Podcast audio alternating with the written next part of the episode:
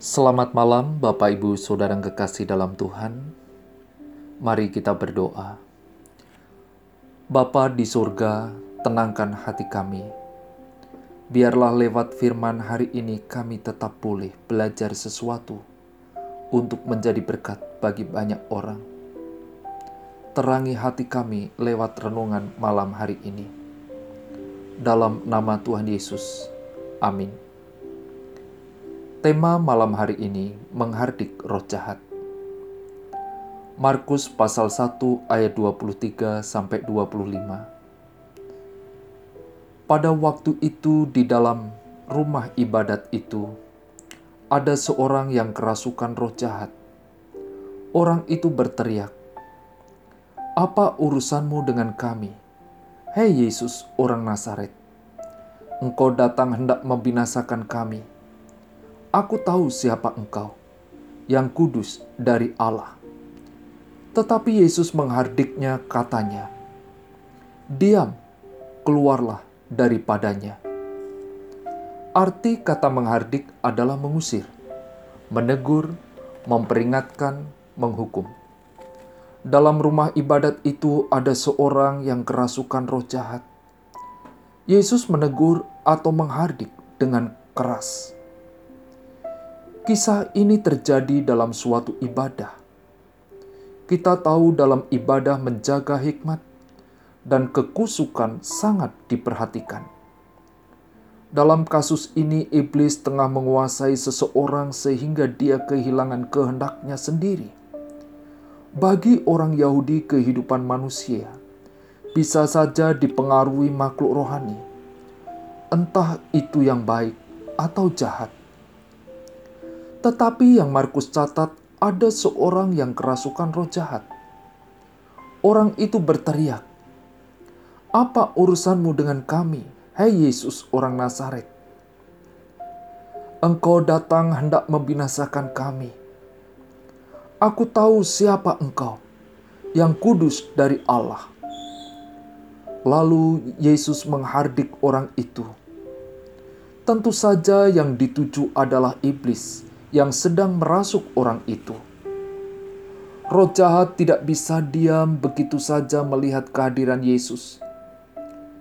Ia tahu benar siapa Yesus, dan karenanya ia merasa terancam. Lalu Yesus mengusir roh jahat itu agar keluar dari tubuh orang yang dia rasuki. Roh jahat tidak berkuasa sedikit pun untuk mengelak perintah Yesus yang penuh kuasa. Lalu sesuatu terjadi dalam diri orang yang kerasukan roh jahat itu.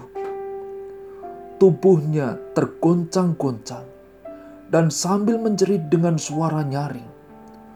Roh jahat itu keluar daripadanya.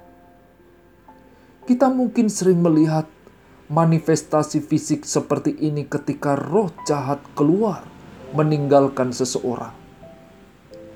Keterangan ini mungkin untuk mengkonfirmasi bahwa roh jahat telah benar-benar pergi. Tanda-tanda ini jelas menunjukkan ketuhanan Kristus. Dia berkuasa dan mampu mengendalikan dan mengusir dengan otoritas rohani dari Yesus orang Nazaret itu. Sayangnya semua firman yang telah mereka dengar, mujizat yang telah mereka saksikan, semua itu tidak mengubah hati mereka untuk berbalik pada Yesus. Kemenangan Yesus Kristus atas roh jahat adalah bukti bahwa anak Allah telah menghancurkan pekerjaan-pekerjaan iblis dan memang untuk itulah Yesus datang. Demikian juga pelayanan yang Tuhan percayakan kepada umatnya. Dengan kuasa Kristus, kita dimampukan memberitakan firman yang penuh kuasa, mengusir roh jahat demi namanya, menghardik di dalam nama Tuhan Yesus. Bagaimana dengan saudara? Apakah saudara mampu dengan berani menghardik roh jahat? Biarlah Tuhan menolong kita. Mari kita berdoa. Bapa di surga, berikan hikmat kepada kami. Biarlah rohmu yang penuh kuasa itu terus memperlengkapi pelayanan kami.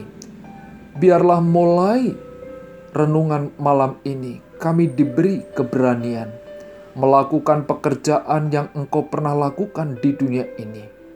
Di dalam nama Tuhan Yesus kami berdoa. Amin.